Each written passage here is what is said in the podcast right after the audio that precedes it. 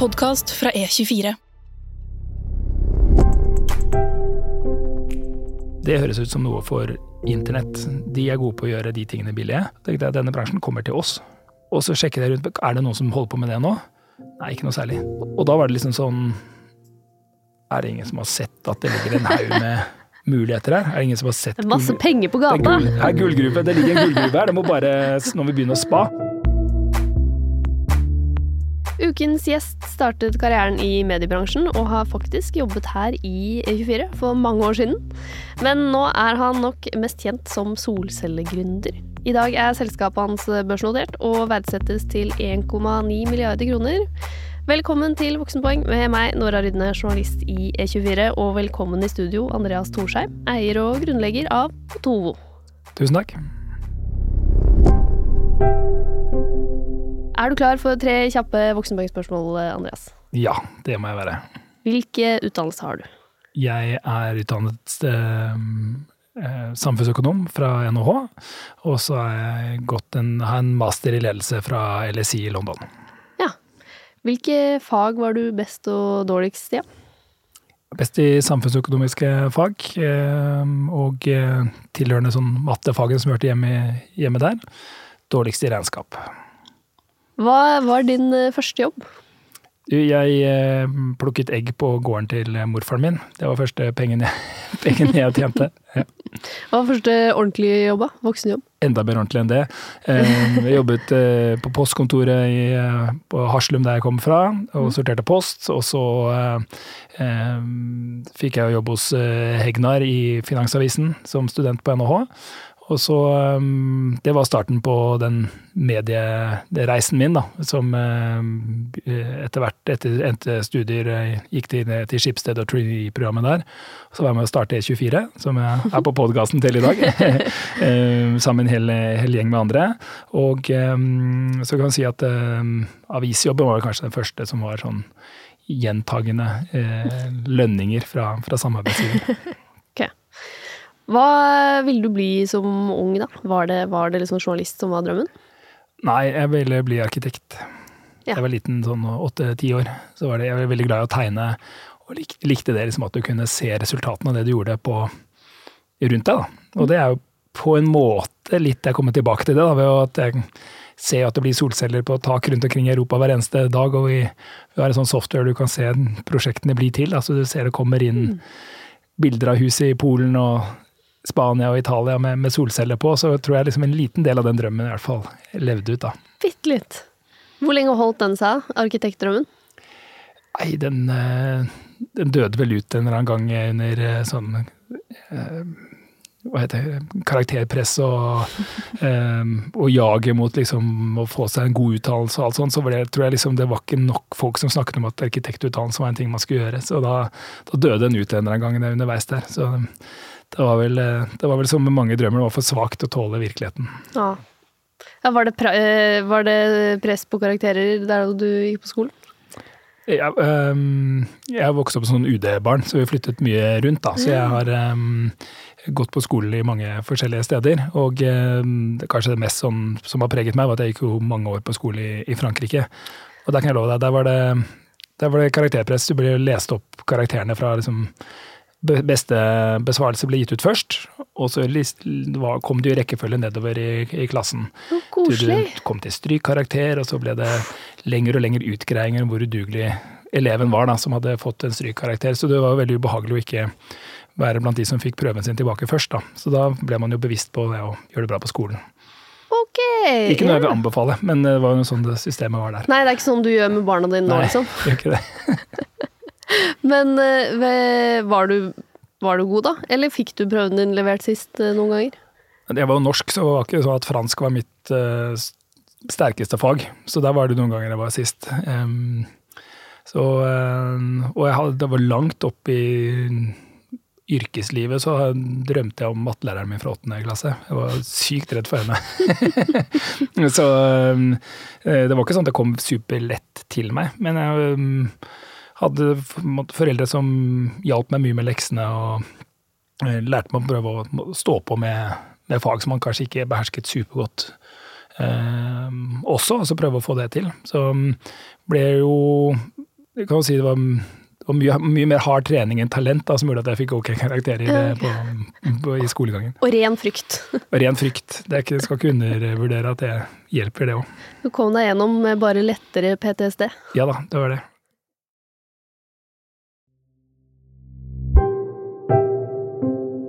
Men eh, på videregående, da, da ble det liksom økonomi, eller var det bare sånn da får jeg vel gjøre et eller annet? Nei, jeg husker vi var eh, feiret at vi var ferdig på videregående. Så jeg, jeg, tror jeg minnes at jeg ropte at jeg skal i hvert fall ikke studere økonomi.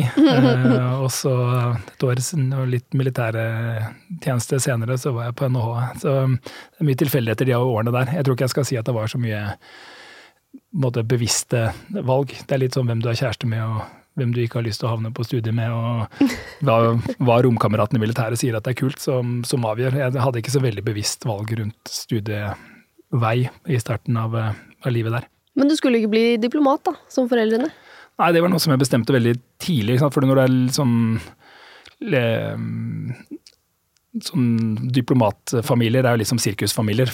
Du, du, reiser jo rundt med yrket til foreldrene dine. Mm. Um, og da blir det jo fort Jeg tipper jo at sjonglører og klovner og sånt også blir spurt, skal ikke gå i din fars eller din mors fotspor. Da.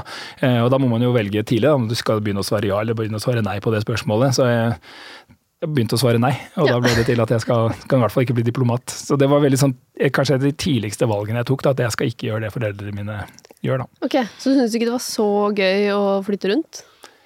Jo, det, det plusser og minuser med det, selvfølgelig. Ehm, og eh, når du er liten, så kjenner du kanskje mest på minusene. Sant? At du er ny i klassen og, de tingene der. Eh, og at du måtte starte på nytt hver gang. Og etter hvert som du blir eldre, så skjønner du også at du får noen kanskje perspektiver og uh, får med deg noen bagasje som ikke alle har, som kan være nyttig å, nyttig å ha med. Um, som, um, så, så, jeg har ikke noe mot det. Det er ikke noe trauma rundt det. Jeg er veldig egentlig takknemlig for oppveksten uh, min og de mulighetene jeg har fått gjennom, gjennom, det. Men jeg tror bare at det var, det var et eller annet med sånn her Skal du bli far din? Og det hadde jeg lyst til å svare nei på, da. Så da, da måtte jeg stå ved, stå ved, det. Du ble jo altså til slutt gründer, men var, det, var du en sånn gründersjel fra ungdommen òg, som holdt på med masse og lagde selskaper og ledet studentforeninger og sånne ting?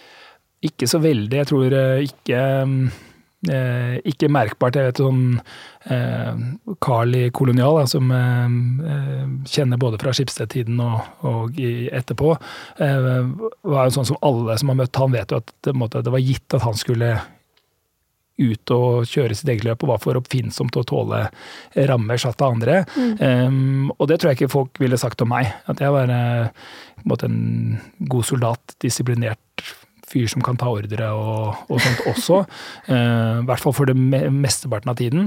Men også som liker å utfordre rammen og måtte, tror jeg var liksom oppfinnsom. Jeg likte, når jeg skulle tegne da jeg var liten, så likte jeg å lime sammen masse ark, sånn at det ble et kjempe, kjempelerret som tok dager å fylle ut. Jeg likte å lage superkompliserte bilbaner med, med, leker fra forskjellige systemer og sånn type ting. Alt sånn, Jeg likte jo, jeg tror jeg var som oppfinnsom unge, mm. men, um, men, ikke sånn at jeg har gått rundt og prøvd å, å tjene penger på, på limonadestand og, og vaffelsteking og, og, og, masse forskjellige typer prosjekter. Jeg tror ikke jeg er veldig utpreget på det. Jeg tror bare det var jeg fikk et kall til det som ble uh, Otovo-ideen, og da måtte jeg gjøre det. Men det var ikke gitt at det var det jeg jeg gikk ikke rundt og ventet på min greie, at jeg måtte bli gründer okay. på noe som helst måte. Så hva ville du bli mens du studerte på NHH? Begynte å forme seg en tanke, eller var det sånn 'jeg skal bli konsulent, på opp', som alle? nei, nei, jeg var um, Jeg um, uh, I løpet av det tredje året så fikk jeg noen venner som hadde veldig sterk faglig interesse for, eh, eh, for samfunnsøkonomi og de tingene som går inn i så mye arbeidsledighet og rentesetting og, og de tingene. Så vi var veldig tiltrukket av finansdepartement og rentesetting og sånne type ting. Så da, da, hadde jeg nok tenkt tanken om at jeg skulle til Norges Bank eller til Finansdepartementet når jeg var ferdig. Og, ja, du var en sånn? Ja, ja, ja definitivt. Veldig sånn. Og etter liksom de første årene i studiet var veldig preget av fest og, og fanteri, så hadde jeg to år der på tampen som var ganske eh, fagorientert. Og um, opptatt av å lære meg alt skikkelig bra uh, for, å, for, å, gjøre det. Og uh, gikk vel på det intervjuet i Skipsted nesten som sånn intervjutrening, eller som en sånn og det var backup-plan? Ja, det var ikke akkurat backup-plan, men mer som en sånn siste fristelse av noe slag, da, før jeg skulle ut og gjøre yrket mitt. Da.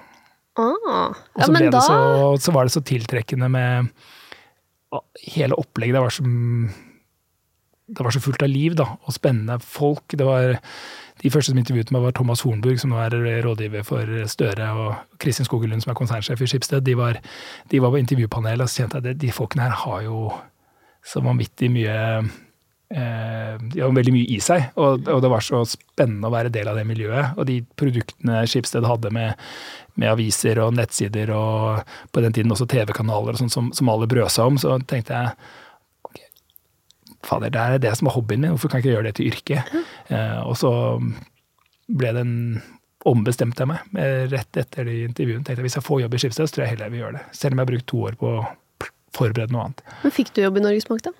Hva sa du? Nei, det gjorde jeg ikke. Jeg, jeg tror, men jeg vet ikke, jeg holdt ikke på lenge nok til å vite hvordan det hadde eh, gått. Men jeg, mm. jeg, jeg, kan ikke skryte av at jeg hadde en sånn kremjobb i departementet eller i, i Norges Bank som som jeg sa nei til. Det kan jeg ikke.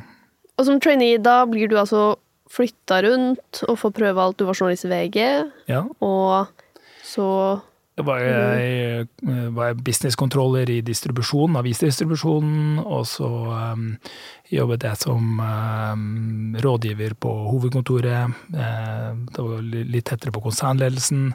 Og så skulle de ha et nytt um, prosjekt da, som skulle, skulle, lage en business uh, en businessnettsted da, som skulle konkurrere med Dagens Næringsliv. Og så hadde de funnet en redaktør, og så har vi en håndfull folk da, som ble rekruttert inn på starten der. Så var det veien min inn i E24.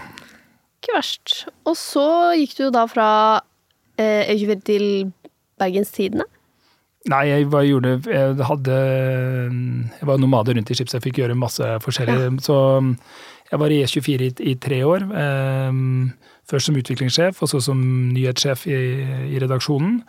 Og så eh, var det holdt jo skipset på å kjøpe opp aviser rundt omkring i, i Norge. Kjøpte regionsaviser. Da var jo Bergen kjøpt seg inn i Bergens Tidende, Stavanger Aftenblad, Federlandsvennen osv. Og, og etter hvert kjøpte seg helt opp. Og da var jeg først som prosjektleder på sammenslåingen av disse avisene. Det var jo å legge ned trykkerier og trykke på samme mm. sted. Det var å slå sammen IT-avdelingene og være på samme datasystemer og vanlig sånn internkonsulentjobb. Og eh, var, da var det finanskrise. Det var ganske trått på mange felt for Skipsted. Da var det jo populært å være god til å kutte kostnader, og det viste at det hadde, det det. Det hadde jeg trekken eh, på. Så da var det mm, eh, gang på gang populær, da, fordi det kom ut kostnadskutt og effektivisering. Da.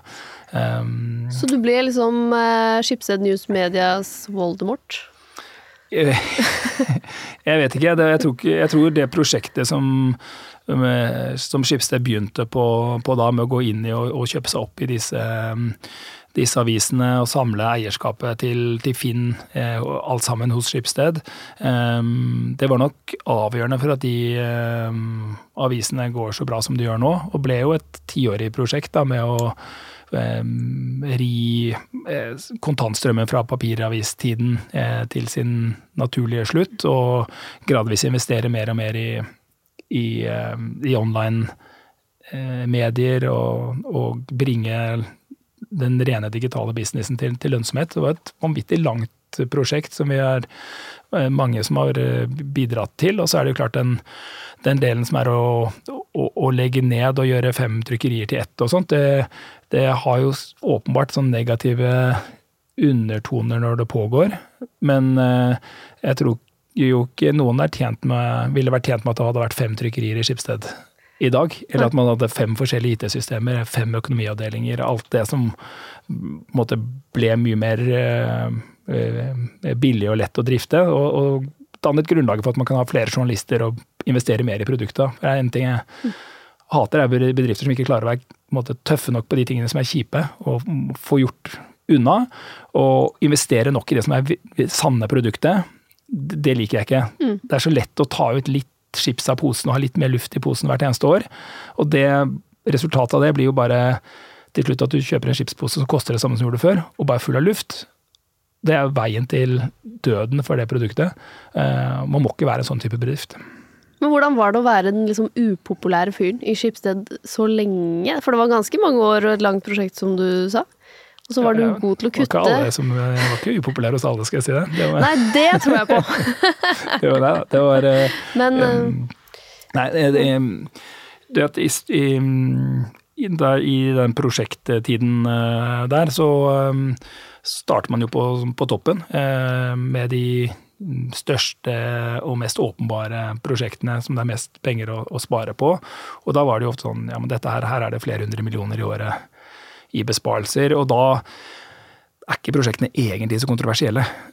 nei. Alle, Ikke blant ansatte Nei, heller? Egentlig ikke. Du vet, eh, selv om eh, typografene selvfølgelig måtte stå for sine interesser, så var det jo måte åpenbart at i en verden som hvor færre og færre leser papiraviser, så skal du jo ikke ha så mange trykkerier. Det er, det er veldig åpenbart, og, og man, man gjør sine øvelser som arbeidsgiver og, og fagforening, men man jobber jo under en forståelse av hvor det skal. Det kan være litt ulik måte, tempo i, måte, og, og interesse i måte, hvor penga skal gå og sånt, men, men det er ikke noe særlig kontroverser om retning. Og så etter hvert som du jobber deg nedover på lista, så kommer du over på ting som er kjipere. sant, og å slå sammen kundesenter og flytte det til et sted hvor det er lavere arbeidsgiveravgift og sånt. Da begynner du å komme ned på marginale ting.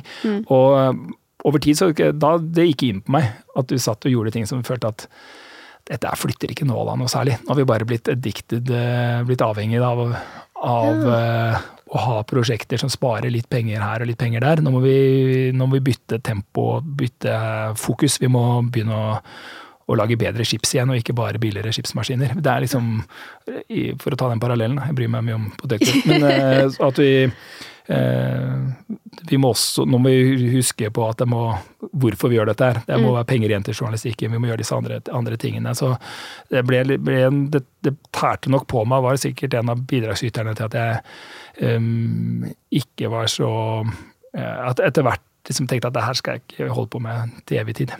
Ja, for det var en ganske brutal periode i, i mediebransjen etter finanskrisen med altså, veldig mye oppsigelser. Ja, det var jo Um, jevnlige um, Det var mye endringsledelse. eh, Og, ja. og det er jo um, Det er jo egentlig et eh, begrep som er litt krise, sant. Fordi hvis du er i den Hvis du må kalle ledelsen din for endringsledelse, så er jo det i det er brå rattutslag, det er U-sving eh, i trafikken. Det er, eh, eh, det er skilsmisse i privatlivet. Det er jo sånne, det er jo, det er, nå er vi på nødgrepene. Det er ikke, det, er ikke den vanlige eh, modusen. Um, og, og det er et tegn på at du ikke har gjort de riktige tingene med organisasjonen din, med strategien din over lang tid. Du har ikke klart å henge, henge helt med. Da. Så er det utrolig vanskelig når det går fort. Og for Schibsted sin del i de årene så forsvant annonseinntektene med rundt 20% i året. Og det betyr at hver femte krone forsvinner hvert eneste år. Um, det, er, det, er, det er veldig brå nedgang, ja. og vanskelig å erstatte. Så det er, det er nesten det, um, det er nesten umulig å ikke komme i en endringsledelsessituasjon. Men det er jo det er veldig tøft for de som er med på det. Enten, ja, enten du skal måtte planlegge og prøve å ta de riktige valgene, enda verre hvis du er eh, en av de som måtte endte opp med å være i en del av virksomheten som ikke har noe særlig fremtid. Det er, det er jo et utrolig kjipt sted å være. Ja.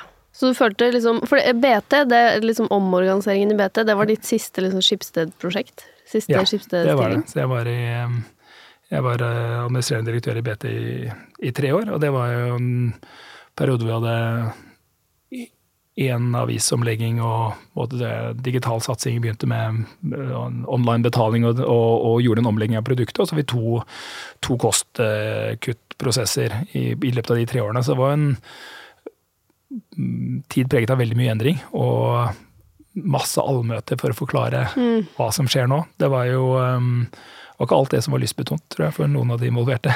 Nei, for jeg har vært på eh, sånne allmøter som handler om 'nå går det til helvete', folkens. da er det dårlig stemning, ass! Det er dårlig stemning, det er det. Det... Ja, men hvordan eh, sto du i det, da? I så lenge? Eh, Fordi du sa jo at det, det var eh, litt kjipt. Hvordan, hvordan får man liksom glede av å gå på jobb når det er liksom tungt, og hele jobben din er på en måte endringsledelse? Ja, men jeg tror det er to, to ting. For det første er man ikke alene. Og jeg tror alle bedrifter som skal gjennom store omlegginger, eh, så er det viktig å ta vare på de teamene som skal gjøre det. Eh, enten det er prosjekt eller eh, fagforening eller hvem de, de som jobber med det, de bør være flere. De bør snakke sammen. De må ha arenaer hvor de måtte okay, være enige om nå tar vi vare på hverandre. Og jeg er utrolig takknemlig for at kulturen i Skipsstedet i de årene jeg jobbet her, i hvert fall var veldig sånn Man følte seg som del av et lag om å kunne ha fornuftige diskusjoner eh, mellom ledelse og ansatte og på tvers av, av de bedriftene som fantes i Skipsstedet sånn. Så man, jeg, man føler seg jo ikke så veldig alene. Det er viktig. Og så må man ha vanvittig tro på dit man skal. Fordi det er jo Hvis man holder på med sånne prosesser og ikke vet hvor Nordstjernen er, da, men ikke vet hva man vil oppnå, så må det være utrolig vanskelig. Så hvis man bare kostnadskutter fordi det man driver med går til helvete, men det er ikke noe Man vet ikke hva som går bedre, hva man skal, hva man skal med den posisjonen man kutter seg til. Da må det være utrolig fortvilende. For det som var fint med med mediebransjen, var at man skjønte at nå rammes vi av digitalisering. Eh, og det vi må gjøre da, er at vi må flytte posisjonene våre fra å tjene penger på løssalg av aviser, eh, på at det er eh, rubrikkannonser for sykler i, i Aftenposten, eh, til at eh, vi må ha Finn som et eget nettsted, vi må eh, ha VG pluss som erstatning for løssalget, og så må vi gjøre alle disse tingene. Man kunne se for seg hva det var, og så jobbe mot at det må, hver dag må vi gjøre litt mindre av det gamle og litt mer av det nye. Det, det er jo eh, Da kunne du også tegne et bilde av her trenger vi å være om fem år, og så kan man være opptatt av å komme seg dit. Da, og Derfor var liksom bildene handlet om å bygge en bro til et nytt sted og sånne type ting. var ofte det man, man snakket om sånne type ting.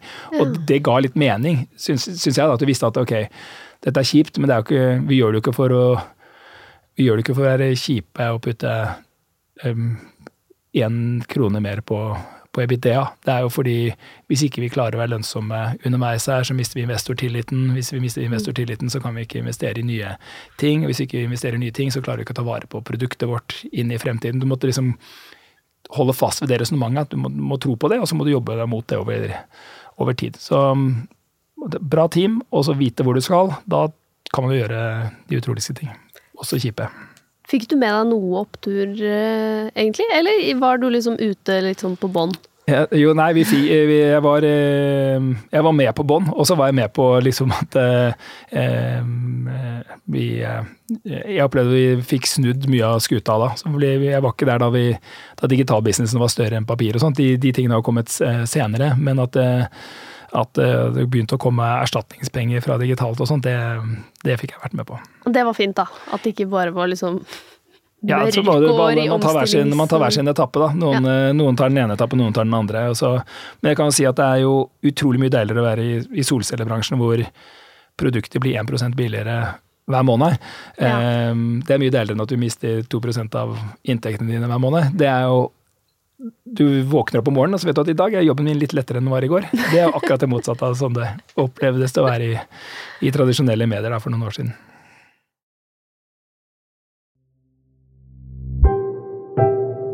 Vi har en spalte her i podkasten, Andreas. Tabbespalta. Hva er den største tabben du har gjort i karrieren din? Uh, jeg kan uh, ta en historie fra jeg var uh, helt eh, fersk i arbeidslivet og, og jobbet i, eh, i samfunnsredaksjonen i VG. Og det var eh, da, Det var et år det ikke var sånne skattelister på, eh, som, som var offentlige. Og så um, uh, var det på et, på et morgenmøte på høsten da, hvor man skulle prøve å finne en erstatning til disse skattelistesakene. Og så um, fikk jeg oppgave å prøve å komme opp med en erstatning på, um, på det. Og så fikk jeg den ideen at vi kunne jo um, kredittsjekke de uh, 1000 som var på toppen av lista i fjor. Um, fordi det var mest sannsynlig at de ville komme på toppen. Så kunne vi på en måte få de samme opplysningene ut likevel. Eh, så da var det en initiativrik ung mann som gjorde det. Um, ah, du spurte ikke om det var en god idé først? Nei, jeg var ikke så god til å sjekke det. Så da ble det 1000 kredittsjekker, og jeg vet ikke om det engang er nesten lov, jeg. men det var, det var, litt krise. Så da um, Jeg tror det er lov, men ja. uh, alle får beskjed om det. Alle får beskjed om det, og det var uh, det åpenbart, for da, fikk, uh, da begynte telefonene å komme inn til redaktøren, som ikke var særlig Jeg syns ikke det var så artig som, som jeg syns. Um, så belønningen på det ble at dagen etter så måtte jeg Eh, skrive beklagelsesbrev og stappe det i tusen konvolutter og sitte og slikke, slike konvolutter. Så da, da, tenkte jeg at hvis det stemmer det som skjedde i den Seinfeld-episoden hvor en som døde av å slikke tusen bryllupskonvolutter, hvis det går an å gjøre, så kommer jeg til å dø av dette her i dag. Så, eh, men da fikk, jeg, da fikk jeg straffen min da, med å slikke konvolutter en, en, dag. Gøy. Som jeg beklager til de, de som ble rammet. da. Det ble en bra sak, da. Vi kjørte jo saken likevel. Dere kjørte saken, kjørte saken. Mm. Kjørte dere med også at du måtte si unnskyld til alle, eller? Nei, det, vi, vi, gjorde unnskyldningen separat, og så syns jo VG-ledelsen at initiativet, når det kom til stykket, så ble resultatet av initiativet ok, da, så da ble det sak. Altså, du kom deg jo over fra media. Kanskje ikke Du ga det mer sjanse enn at du måtte si unnskyld til tusen stykker, men Ja da, det var flere sjanser, ja da. Men eh, når kom du liksom fram til at du eh, ville over i noe annet? Jeg hadde ikke tanken at jeg ville over i noe annet, men eh, min opplevelse av at jeg, kom og ble, jeg ble henta av noe annet, som eh, flyttet seg inn i mitt, mitt rike. Jeg hadde en en reise over i, i, solenergi som nesten var som å bli religiøs, tror jeg. Altså jeg ble litt sånn frelst på en uh, Vi var på en, uh, en, firmatur med Skipsted hvor vi var i California og besøkte Tesla-fabrikken der. Og, um, og, var med rundt på fabrikken med Peter Carlsson, som nå er uh, gründer og daglig leder i Northvolt, som er vel Europas hurtigst voksende batterikonsern. Og så var jeg på den Tesla-fabrikken og så disse elbilene bli laget, og tenkte jeg bare det her, dette er noe, det er noe annet. Det her, eh, dette blir vanvittig bra. Og eh, ble litt sånn frelst av eh, eh katedralfølelsen av å være inne i et sånt eh, fabrikklokale hvor de etter hvert skulle lage hundretusenvis av modell 3-er og, og, det her. Og tenkte det her, det her ser jeg virkelig potensial i. Mm. De, her, den, de, bilene her kommer til å spille buksa av alle de andre. Um, og så var jeg nerd nok og faglig interessert nok til å måte, lese meg opp da, på elbiler, og så ble det til å lese mye om batterier og etter hvert solceller. Og, og den faglige interessen ble til at man jeg satt og så på det og tenkte bare det her kommer til å forandre verden. Så bra det er. Og så la jeg på en måte det fra meg. Og det slo ikke inn for fem øre at det kunne gjelde meg. For jeg tenkte at dette gjelder for ingeniører som lager mm. batterier på fabrikker. Og så um, plukket jeg opp dette her etter en stund, og så så jeg på denne kostnadskurven på, på solceller. Og så så jeg solceller faller med 10% i pris per år. Hva betyr det?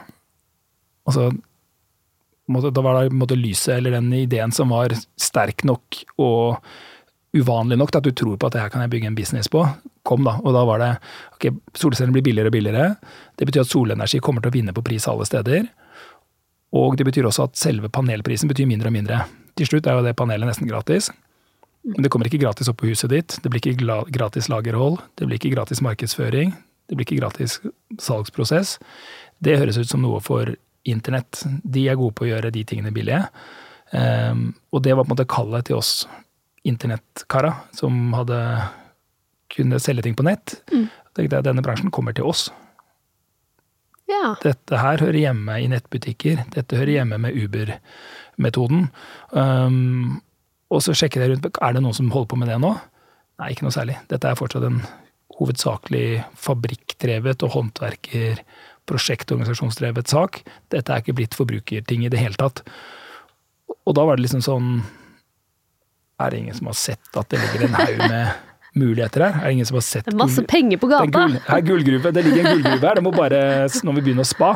Ja. Um, og, og, da blir man obsessed av av den tanken. Hver, hver, dag tenkte jeg bare på det. Og da hadde jeg sluttet i Skipsted og jobbet i Opera Software. Og eh, når jeg fikk fri fra jobben i Var, liksom, var på besøk i California og, og, jobbet der, og så Når du etter jobb går og ser på solceller, da er det jo litt sånn på internett, eller liksom uh... I, I, virkeligheten. Ute og se på hus med solceller og folk som monterer dem. Ah. Da begynner du å være så syk på sinnet at du må begynne å ta konsekvensen av det. ja, det er jo... litt creepy når det er sånn Hvem er han mannen som alltid står utenfor her og ser på ja, taket? Ja, det er det. Ja, men det er jo litt sånn uh, Jeg tror da var det litt sånn romantisk komedie, for alle, alle, skjønte at jeg skulle ende opp med solcellene. Det var bare ikke jeg som hadde skjønt det selv. Ah, nettopp, ja. nettopp. Så hva var breakthroughet? Hva var liksom uh, høydepunktet i den romantiske komedien, der du skjønte at det var da jeg og solcellene var ute i regn og kyssa. Ja. kyssa, kyssa. Nei, jeg vet, jeg vet, ikke helt akkurat når det måte, bruddet kom, da, men i løpet av høsten, senhøsten 2015, så, så ble det klart at ok, det her det må jeg faktisk gjøre. Um, Opera Software var i ferd med å bli solgt til et kinesisk selskap da, og det var et sånt naturlig bruddpunkt for å ta stilling til om man skulle være med på det nye de skulle gjøre, eller, eh, eller eh, prøve seg på egen hånd. Så da følte liksom unnskyldningene for å bli gründer var brukt, for å ikke bli gründer var brukt opp. Eh, da måtte jeg bare gå for det. For hadde du egentlig ikke lyst til å starte for deg selv? Var det litt sånn mm, stor greie, skummelt? Nei, det var jo eh, ikke bare det, men jeg var eh, Jeg er jo gift, og vi har boliglån, og vi mm, Du skal overbevise mange eh, for, å, for, å, bli gründer. Først eh, deg selv. tenke kan jeg klare det, får jeg det til? Og det måtte jeg gå noen runder med. Og så eh, min kone, og tenke har du lyst til at inntektene i familien skal falle ganske mye. At vi skal selge bilen, for vi har ikke råd til å Det var sånn altså, du solgte det inn, ja. Nei, Kjempebra. Men du, du, jo, da, du, men du blir nødt til å si det. Du ja, blir nødt til ja. å si du eh, Nå går vi fra høy inntekt til lav inntekt. Mm. Eh, og vi går fra eh, forbruk som hører med det, til noe annet. Vi skal faktisk selge en del av tingene våre for at det skal bli egenkapital i, i firmaet. Um, det er ikke gitt at dette lykkes. Jeg må bare gjøre det. Du, man må jo være ærlig på en sånn reise, og er veldig glad for at hun støttet og var med på det, og vi har måtte, tatt vår turn i å bygge dette her sammen. Um, så, så, det var nødvendig eh, med person å overbevise i tillegg til seg selv. Og så må man overbevise de man skal gründe firmaet sammen med, og si du skal du være med på en, på en blodpakt hvor vi skal satse alt på dette her, eh, dag og natt. Og hvis det går til helvete, så har vi ingenting å vise til. Eh, men hvis det blir bra, så kan det bli kjempebra. Har lyst til å bli med på det.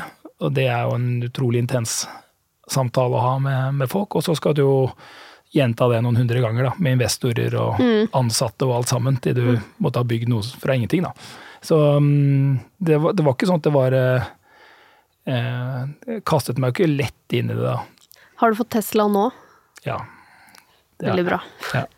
Men dere måtte selge bilen? Vi solgte bilen og også hytta. Så det var yes. Har du fått hytte igjen, da? Vi er på ferd med å få, ja. ja.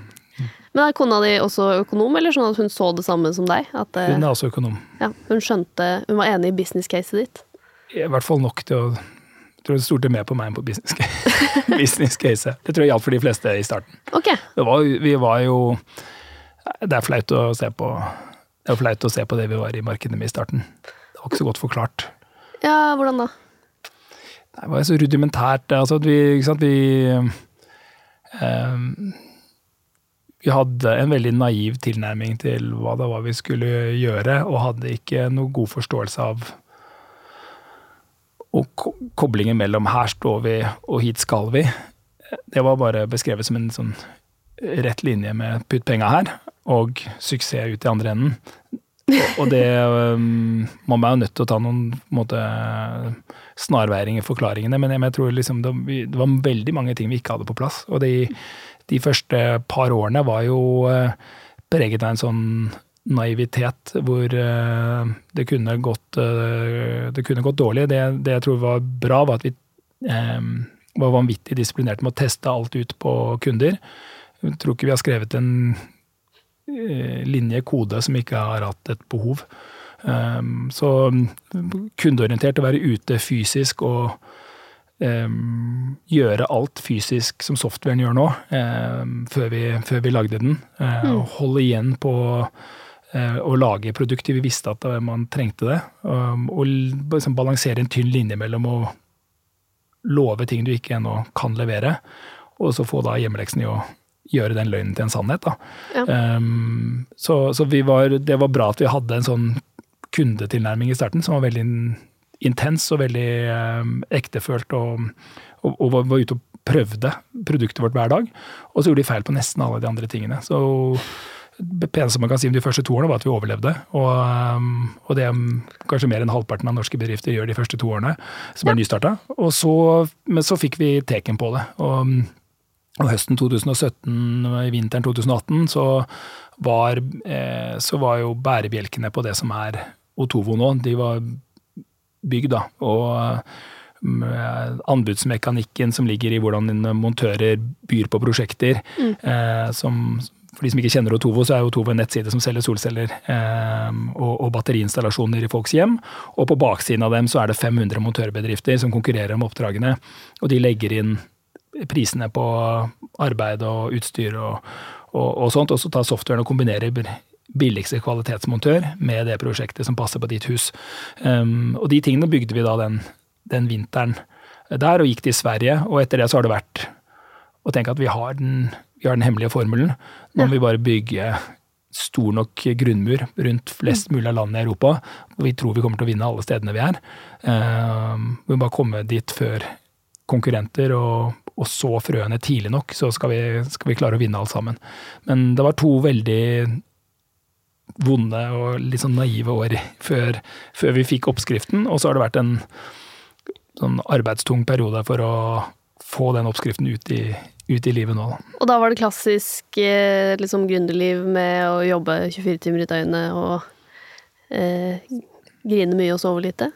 Ja, det var uh, Igjen var vi super Vi har vært super team fra starten. Både gründerteamet med, Lars og Simen og Andreas, som de tre andre uh, heter, og, uh, og det tidlige produkt- og utviklerteamet supersterkt. Og positive, engasjerte folk på, på salg og operations som har levd etter det som er måte, læresetningen vår, som er 'deliver today, build for tomorrow'. Og det er at du skal gjøre jobben din i dag, og så skal du i tillegg hjelpe deg selv i å få en lettere jobb i morgen.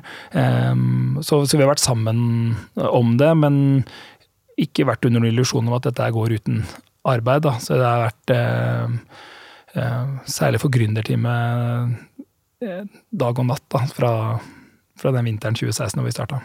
Men etter de to årene så ble det litt mer normalt, på en måte? Ikke helt den oppstart sånn vil ikke si det var mer normal arbeidsdag, men det ble i hvert fall en mindre angstfullt, da. Ja. Det ikke, jeg satt ikke med en klump i magen om at det her kommer til å gå til helvete neste uke. Eh, da kjente vi, vi, vi kommer til å vinne. Vi må bare. Vi må bare gjøre det. Ja, man må ha litt troen på det, hvis man skal holde ut i lengden. Hvordan var den øh, følelsen da dere skjønte at nå er vi så store at nå, nå burde vi faktisk gå på børs? Um, jeg tror vi tenkte at det er dit vi skal. ja, det var planen. Ja. Og, og, jeg tror, og, vi tenker jo også at er, vi skal på hovedlisten eh, etter hvert, for opplevelsen av Urnex er at det er litt som en, det er litt som en ungdomsskole, og det er ikke alle som skal videre derfra. Um, og um, så, så, vi har tenkt at vi, det er dit vi, uh, det er dit vi, vi, skal. Vi skal bygge en vi skal bygge en europeisk gigant. Vi skal bli størst på solenergi, sånn som det er en to-tre spillere som kan konkurrere om i USA. Den, sånn type posisjon har vi lyst på i Europa. Vi skal montere sekssifra antall solcelleanlegg årlig i, i Europa. Um, så det har vært på en måte Nordstjernen. Det er, dit vi, eh, det er dit vi skal, og da må man på en måte følge programmet mot det. Da. Um, og da var en, en børsnotering i fjor um, noe som passet. Men hva er målet, da? Er det liksom Er det å bli rik, eller er det å gå på, på hovedlisten, eller er det å holde på med til det ikke er gøy lenger, og starte noe annet? Nei, jeg tror uh, dette er den dette er det selskapet jeg starter, og den skal føre den her Aldri hele igjen. veien. Det, jeg skal ikke si aldri igjen, men jeg, tror jeg skal ikke gå og tenke at det er om to år er det noe nytt. Det, eh, den fristelsen hadde jeg kanskje litt på andre og tredje året, å tenke at dette er en av flere startups vi gjør, og tenk alle de feilene vi gjør nå, de skal jeg ikke gjenta neste gang. Eh, men nå tenker jeg at det her er, nå har vi gode kort på hånda. Dette selskapet her kan bli ti ganger større enn det er nå. Eh, vi har em, vi har bra odds. Vi må gjøre noe med det. Så jeg kommer til å mm, hate meg selv hvis jeg ikke gjør noe godt ut av den posisjonen vi er nå. Og, og målet er jo å få solceller opp på alle tak i Europa. Vi tror vi kan, tror vi kan montere over 100 000 anlegg eh, årlig om ikke så veldig mange år. Eh, og da blir det fort det er fort noe som gjør innhugg i folks strømregninger. Det kommer til å trengs, fordi vi har ganske dårlig tid med å bli kvitt avhengighet av russisk gass. Eh, Det trengs for å komme seg av karbonavhengigheten, eh, som ligger i at folk i Europa fortsatt lager mat med gass og varmer seg med kull. Eh, Så, eh, så det gir kjempemening å få de solcellepanelene eh, opp. Og jeg tror innen, innen vi og de andre i bransjen har fått solceller på alle takene, så skal vi begynne å legge på nytt igjen de eh, panelene vi la først. Eh, Og Men vi mye bedre skal, paneler. De blir kanongode paneler. De, blir, de blir jo veldig mye bedre hvert år. Eh, og så skal vi få elbilladere og batterier og, Mm. og varmepumper og sånt inn i, inn i folks hjem. Det er vanvittig mye greier da, som skal inn i husene til folk, som ikke er der i dag. Eh, og det er ting som skal bruke strøm, og ikke gass og, gass og kull og bensin. Så mm, jeg føler at vi har et livsverk, om ikke mer, eh, foran oss. og Da trenger vi ikke å tenke så mye på det. Da er det opp og, opp og skru panelet hver dag som gjelder. Dere har jo ikke gått i pluss ennå. Når, når skal dere gjøre det? Vi eh, tenker jo sånn at eh, eh, nå har vi hentet eh, penger i, nå i februar eh, for å gå inn i seks nye land. Eh, Og det blir jo seks land som skal gå med minus en stund. Og så lenge du måtte vanner ut positive resultater fra de gamle landene med nye land, så vil du kunne se negativ ut. I tillegg, når du vokser med over 100% årlig som vi gjør, så har du kostnader ett kvartal som knytter seg til inntekter som vil føres ett eller to eller til og med tre kvartaler lenger ned i veien. Eh, Så ligger med en Ehm, du skjuler jo lønnsomheten i, de, eh, i landene dine. Når du vokser, så lenge du vokser nok, så vil du skjule lønnsomheten.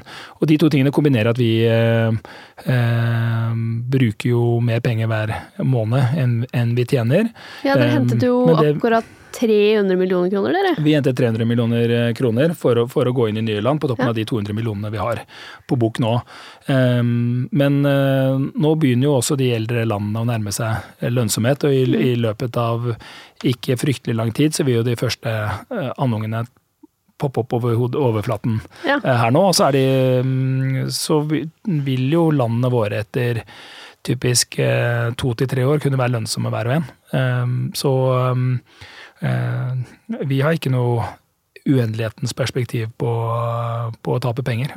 Og flere av GM-ene, altså landsjefene våre, har veldig tydelige mål om å nå lønnsomhet. Så de, de vet hvor de skal. Ehm, Så de, de eldste må nå lønnsomhet, og de yngste de skal ta markedsandeler Ja. eh, fort, for det er veien til lønnsomhet. Gå gjennom det. Men du er da rett og slett den litt sånn utypiske gründeren som eh, ikke nødvendigvis syns det er kjedelig å tenke på at det skal bli stabilt. Du liksom eh, kan se for deg at det blir fint også å lede dette selskapet når det er etablert og ikke nødvendigvis i en sånn hypervekstfase. Vi skal ha en lang hypervekstfase, så jeg må, må synes det er gøy det. Jeg syns det er gøy, og du må synes det er gøy, fordi det er Ja. jo eh, Det går jo litt eh, G-krefter gjennom butikken nå. Det, det rister, jo, rister jo godt, sant. Vi Når du skal vokse med 100% i året i en business som ikke er Det er ikke bare å legge til servere. Det skal hundretusenvis av paneler. Mm. Det er hundrevis av konteinere med paneler som skal til Malaga og til Trondheim og til Warszawa og Brest. De skal overalt. Eh, Så masse, en, et, eh, en maurtue av tusenvis av håndverkere skal være del av å få til. Mm. når en sånn type operasjon dobler seg i størrelse hvert år, Ja. så, så knirker du en god del. Og man eh, Man må jo bare tenke at ok, det her er vanvittig viktig å stay on top of. Du må, du må tenke ok, hva må til om to Hvor mange må vi være om tre måneder, fire måneder?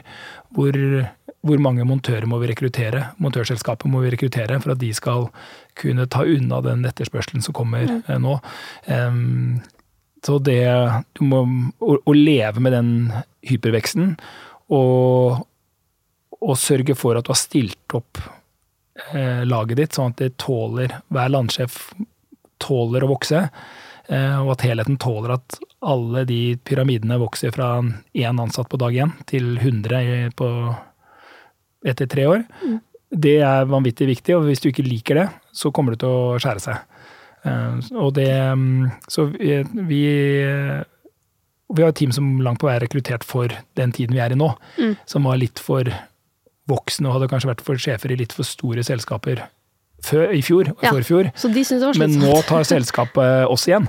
Ja. Eh, nå får vi den type bedrift som vi er vant til å lede. Eh, det er det ja. vi skal gjøre nå, og det syns jeg er veldig gøy. Nettopp. For to år siden så var jeg sjef i en bedrift med 75 ansatte. Mm. Så få hadde jeg ikke ansvar, hatt ansvaret for på 15 år. Eh, men nå begynner det å bli en bedrift som begynner å ta igjen min karriere. Og så blir, håper jeg snart at dette er den største jobben jeg noensinne har hatt. Ja. For det vil være et tegn på at bedriften vokser.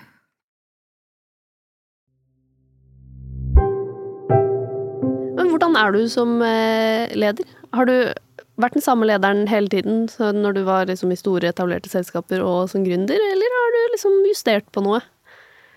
Jeg tror det er veldig forskjellig. Mm. Um, og litt Jeg tror um, alle forandrer seg. Jeg tror eh, det er også nødvendig at ledere forandrer seg med oppgaven. Noen, og, og det hvert at man finner den type lederoppgave som den lederstilen man har, passer til. Da. De som liker å, være strenge og brå, de bør operere i et, i et univers hvor det er greit. Og de som er mer underfundige og og skal pønske seg frem til ting. De, må passe, de passer kanskje mer som forskningsledere.